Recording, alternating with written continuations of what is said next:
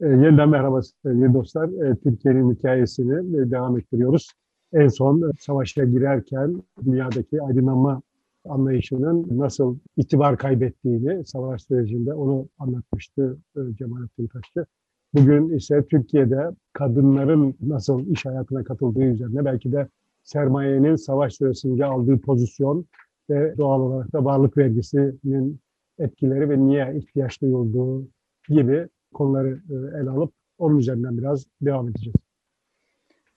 Şimdi Türkiye... Gerçi köydeki, köydeki Ali Rıza Efendi dışta kalıyor bu konularda ama olsun. Onu da geleceğiz. Ee, köydeki Ali Rıza Efendi zaten ağır ağır tarihin tozlu sayfalarının arasına gidiyor yani. Çünkü şimdi kabaca şöyle panoramayı şöyle çizmekte fayda var. Aslında 1860'lar ile 1930'lar arasındaki 70 yılda dünya tarihinde benzeri ol yani insanlara ait olan dünya tarihinde benzeri olmadık kadar değişti. Yani sonuçta e, dünyanın belli bir bölümünde en azından şehirlerde yaşayan insan sayısı, kırsalda yaşayanı bulduğu tarımın toplam ekonomideki payı yarıya kadar düştü vesaire. Sonuçta yeni otomobil diye bir şey ortaya çıktı, yaygınlaşmaya başladı. Yeni teknolojiler ortaya çıktı. Ve fakat bu değişim hızı yani daha öncesiyle mukayese edildiğinde baş döndürücü olan değişim hızı şimdi üzerine konuştuğumuz tarihlerde ortaya çıkan değişim hızıyla mukayese kabul etmeyecek kadar yavaş ve zavallı kaldı. Yani bunun en tipik misali ben hani şöyle örnek vereyim şimdi Birinci Dünya Savaşı'nı başlatırlarken Avrupalılar savaşa son verecek savaş gibi böyle olağanüstü yüksek iddialar üst perdeden konuşmalar filan yapıyorlardı ve fakat tankları yoktu yani. işte uçak niyetine bir takım derme çatma bir şeyler savaşın sonunda birkaç uçuş yapmıştı filan falan ama sonuçta mesela Arap çöllerinde hala süvariler savaştı yani. Tabii tabii tank ve süvari öndeydi. Ve fakat yani sonuçta İkinci Dünya Savaşı dediğimiz savaş insanlık tarihinin en muazzam teknolojik tamam. sıçramalarının gerçek işte radyo, radar, atom bombası, yani nükleer silahlar vesaireler filan falan haddi hesabı olmayan ve sonrasında da hayatı çok muazzam ölçüde değiştirecek olan teknolojiler üretildiği bir dönem. Tepeden tırnağa dünya yeniden kurulacak yani savaştan sonra ve bu değişimde savaşın olağanüstü bir payı var. Şimdi o çok değişmiş, değişim hızı çok yükselmiş olan dünyanın ruh durumuyla kendilerini dünyanın e, olağanüstü değiştiği şartlarda yaşadıklarına inandırmış olan insanların yaptığı savaş. Bu savaş ve Türkiye'de daha önce konuşmuştuk yani işte bilinçlendirme çabalarıyla e, insanları daha çok çalışmaya, daha çok üretmeye teşvik eden bir takım işler yapılıyor. Bu sadece Türkiye'ye has bir şey değil. Yani mesela İngiltere'de Essential Work Order, Works Order diye bir şey yayınlanıyor ve işte çalışma kutsanıyor. Bunları biz ebeveynlerimizden hatırlayabiliriz. Çok önce başka program, programlarda konuşmuştuk. Yani o nesil sahiden bu dünyaya çalışmak için gelmiş olan bir nesildi. Yani hayata anlam katıyor olan şey çalışmaktı yani. Çalışmak ideolojik olarak kutsanmış, üretmek ideolojik olarak kutsanmış bir şeydi. Yani öyle bir tarihte, öyle bir dönemde yaşamış gibi görünüyorlar ki sınırsızca üretim artırılsa bile ihtiyaçlar karşılanmayacak ve insan olanın görevi çalışmaktır. İnsanoğlu dünyaya çalışmak için gelmiştir zaten. Evet. Yani ancak çalışırsan ve çok çalışırsan insan olmanın hakkını verebilirsin yani. Böyle bir ahlakları vardı. Böyle bir anlayış zerk edilmiş. Dinler kullanılmış bunun için.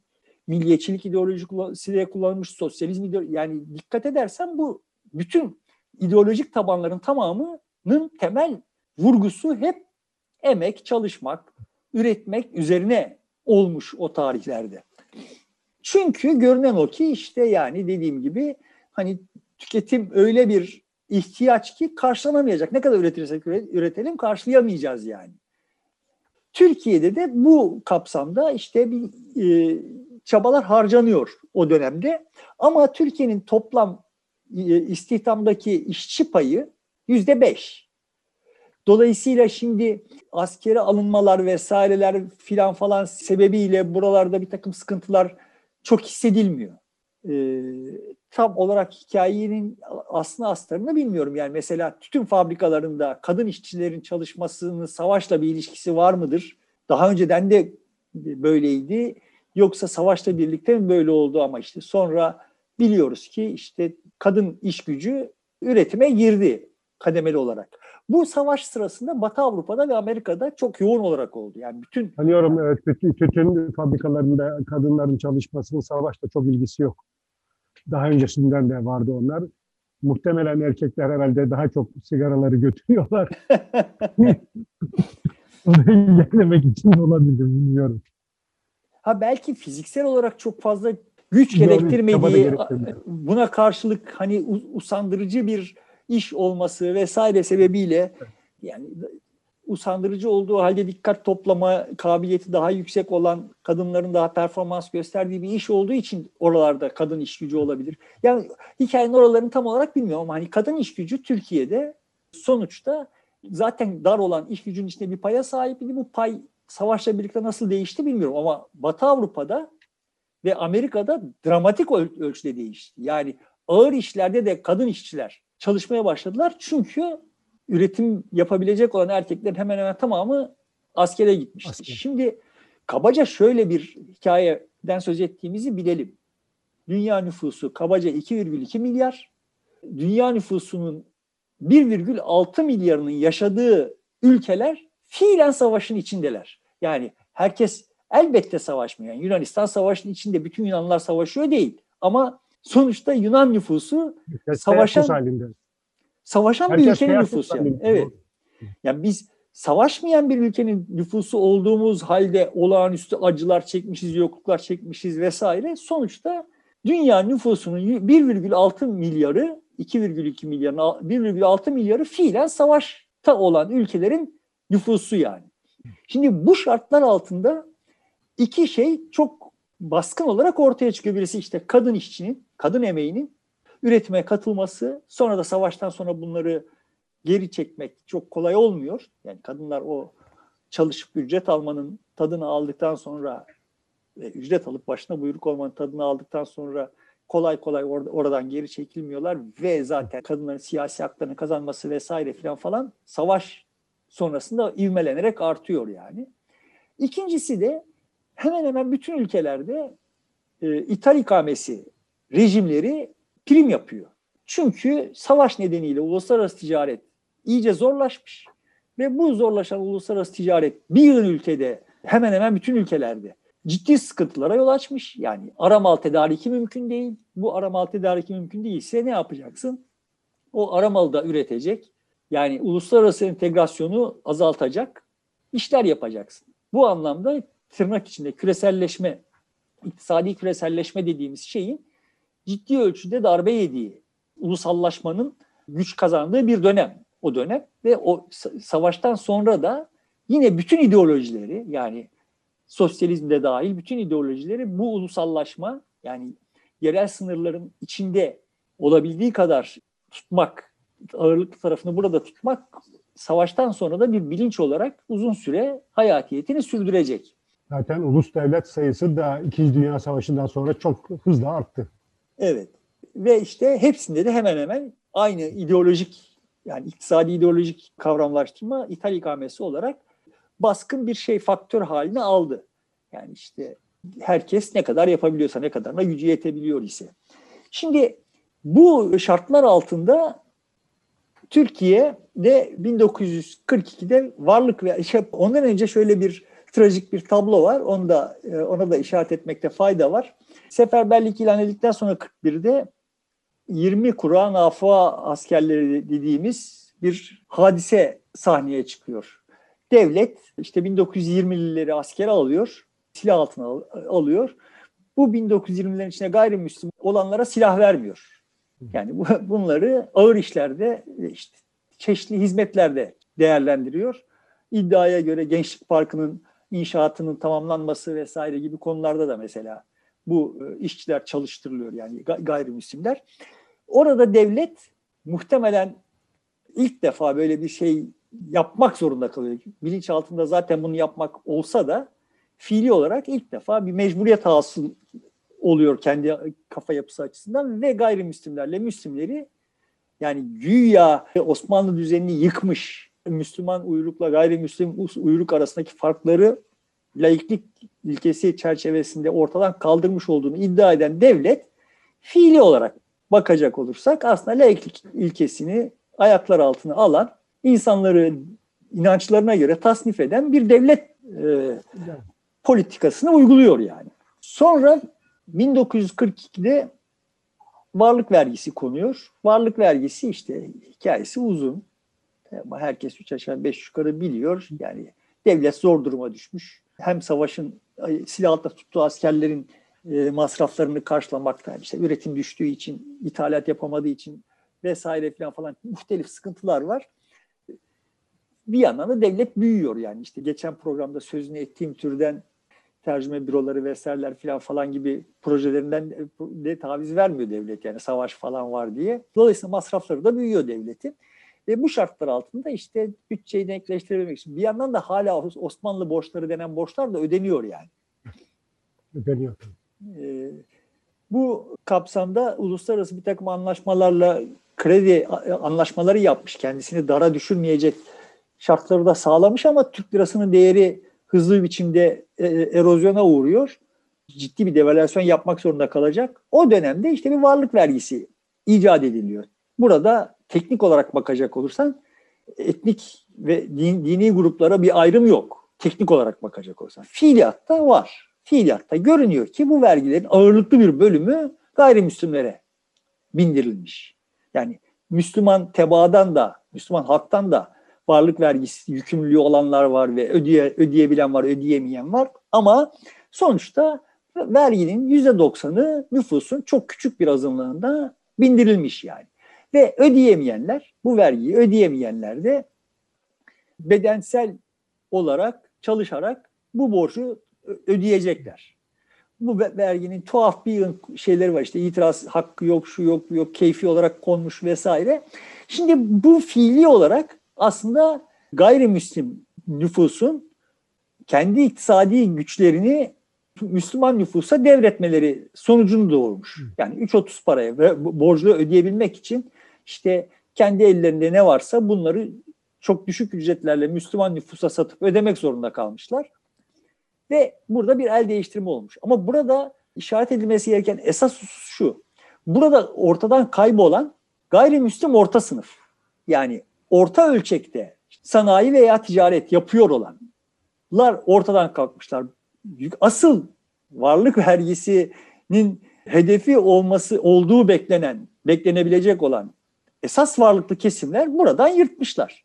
Onlar kendi güçlerini tahkim ederek çünkü muhtemelen o küçük ölçekli olanların kaybolması onları büyütmüş artı muhtemelen onları da satın almışlar zaten yani. Mi? Yani daha e, zengin e, adam işini bilir derler ya. e yani, zengin adam işini bilir. Nasıl olsa kendisini kurtarır yani. Evet sonuçta aslında toplumdaki iktisadi dengesizliği bozmuş. Yani sınıfsal olarak da sadece inançsal olarak değil sınıfsal olarak da iktisadi dengesizliği bozmuş yani varlık vergisi. İddiası, imanı, hayali eğer zenginler alıp fakirin ihtiyacını karşılamak ise bunun tam tersi olmuş. Orta sınıfı ortadan kaldırıp çok varlıklılarla çok yoksullar arasındaki mesafeyi büyütmüş. Buradan yola çıkarak şimdi biz tabii burada devletin bu işi yaparken başvurduğu bir de şöyle bir meşruiyet zemini var. Bu servetler yani benim vergilendirdiğim servetler esasen savaş sırasında çoğu ihtikar sebebiyle doğmuştu. Yani kara borsacılık yüzünden doğmuştu. Dolayısıyla bunları vergilendirmek, bu elde edilen karı devlet bu karı devlet olarak el koymak benim hakkımdır gibi bir anlayış da vardı. Böyle miydi? E, yani evet sonuçta sahiden de ciddi ölçüde servet birikti savaş döneminde. Sadece Türkiye'de değil. Tabii. Bütün dünyada evet. Bütün dünyada. Kara borsadan. Yani şimdi Amerika Birleşik Devletleri işte atıyorum bir yıl içinde 60 bin tank yapmak durumunda kaldı. E yani şimdi bu 60 bin tankı yapacağı zaman daha da fazla olabilir. Yani ben hani çok büyük miktarda o da tarihe kadar devletin yapmak, e, toplumun toplam olarak e, endüstrinin üretmek zorunda kaldığının çok üstünde üretim yapmak zorunda kaldı. Şimdi bunu yaparken devletin eğer varsa ihale mevzuatları vesaireler falan falan şimdi şunu düşünebiliyor muyuz? Yani savaş başlamış. Amerikalılar İngilizlere, Almanlara hepsine birden tank satacaklar veya işte bilmem ne satacaklar. Bunları siparişleri almışlar ve işte normal ihale mevzuatıyla bu işler yürüyor. Yani o ihtiyaç sahipleri bunu bekleyemez. Dolayısıyla orada böyle işte maliyet artı kar gibi bir takım formüller üretilmiş. Hızlı bir biçimde üretim yapılması gerekiyor. Kimsenin bu fiyat, fiyat umurunda değil. Süre umurunda yani. Şimdi bu şartlar altında birçok kişi çok ekstra zenginlik üretti. Şimdi ve buna yaslanarak da işte klasik bildiğimiz işte zaten savaş sermaye sınıfın istediği bir şeydi vesaire filan falan gibi geyikler döndürülüyor. Sonuçta da sermaye sınıfı kazandı diye geyikler döndürülüyor. Öyle mi oldu? Öyle oldu. Ama şimdi savaşta hangi sermayedarlar battı diye bakacak olursak ve oradan yola çıkıp akıl yürütecek olursak savaş sermayedarları imha etmek için yapıldığı sonucuna da varabiliriz. Çünkü savaş şartlarında daha önce savaştan önce uluslararası ithalat, ihracat yapıyordu olan bunlar üzerinden bir takım gelirler elde ediyordu olan birçok sermaye grubu da battı. Yani Türkiye'de de böyle oldu yani. Çok zenginler ortaya, yeni zenginler ortaya çıktı. Birçok eski zengin de battı. Yani çünkü işte e, adamın e, iştegal alanı atıyorum Romanya'dan kömür getirip işte burada bir şey bir araya getirip falan şunları yapmak idi. E şimdi Romanya'dan kömür getiremez oldu ve ikamesini de bulamadı. Çünkü yani kimse artık yani senin geçen programda dediğin gibi aslında petrol kaynakları önem kazanmıştı. Petrol kaynakları savaş sonrası yönelik olarak kontrol edilmesi için önemli bir şeydi filan. O ayrı. Savaş sırasında hayati önem taşıyordu. Yani savaş sırasında Romanya'nın petrolüne İngilizler ulaşamasın diye Almanlar 40 takla attılar. Bakü'nün petrolüne Almanlar ulaşamasın diye İngiliz ve Ruslar İran'ı işgal ettiler. Savaş sırasında önem taşıyordu yani o. Çünkü savaş zaten sonuna gelindiğinde de ağırlıklı olarak o işte petrole erişme kabiliyeti nedeniyle momentum değiştirecekti yani. Bu petrolün ticaretinden şu vesaire filan falan nemalanıyordu olan Türkiye'de birçok zengin battı yani o dönemde. Dolayısıyla bu işleri böyle sınıfsal olarak okumak çok doğru olmaz diye düşünüyorum. Sonuçta savaş baronları var mıdır dünyada? Vardır. Dünyada, ya Birleşik Devletler'de mesela Birleşik Devletler'in bir an önce savaşa girmesini çok isteyenler var mıydı? Vardı. Ama müessir olan, Beyaz Saray'da da, Pentagon'da da ağırlığı olan birçok sanayici, birçok zengin, birçok üst sınıf Amerika Birleşik Devletleri'nin savaşa girmesine son ana kadar mani olabildiler. Çünkü onların zenginliklerini sürdürmelerinin ve artırmalarının yolu Birleşik Devletler'in savaşa girmemesiydi. Yani Churchill, e, e, malzeme satmak, silah satmak, e, gıda satmak daha karlıydı evet. ilk başta. Sonuçta Churchill'in çok ekstra çabalarına rağmen Roosevelt bu işe kendisi de çok hevessiz olmadığı halde bu pek yanaşamadı yani. Pearl Harbor olana kadar da kimse Amerika'yı savaşa sokabilecekmiş gibi görünmüyordu. Yani eğer Pearl Harbor olmasaydı muhtemelen de giremeyecekti Amerika savaşı.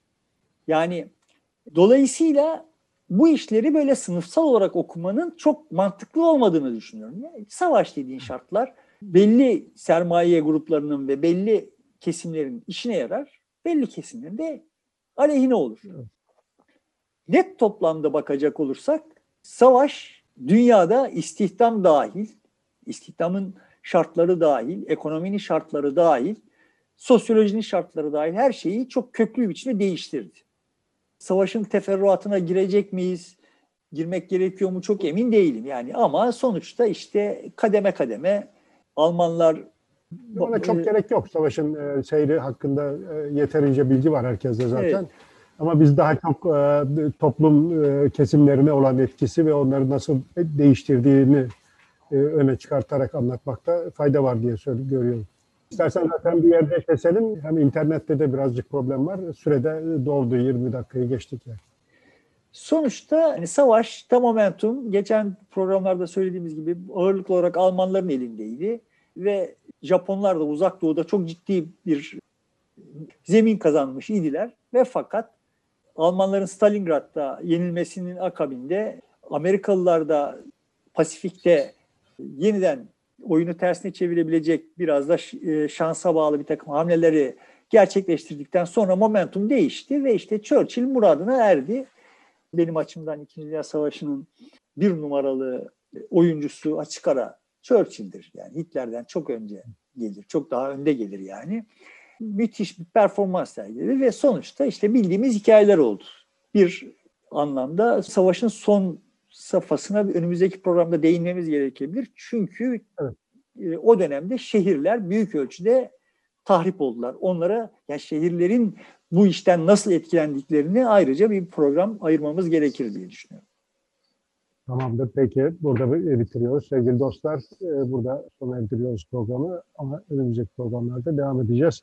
Türkiye'nin hikayesi biraz uzun sürecek. Öyle gözüküyor. Görüşmek üzere. Hoşçakalın.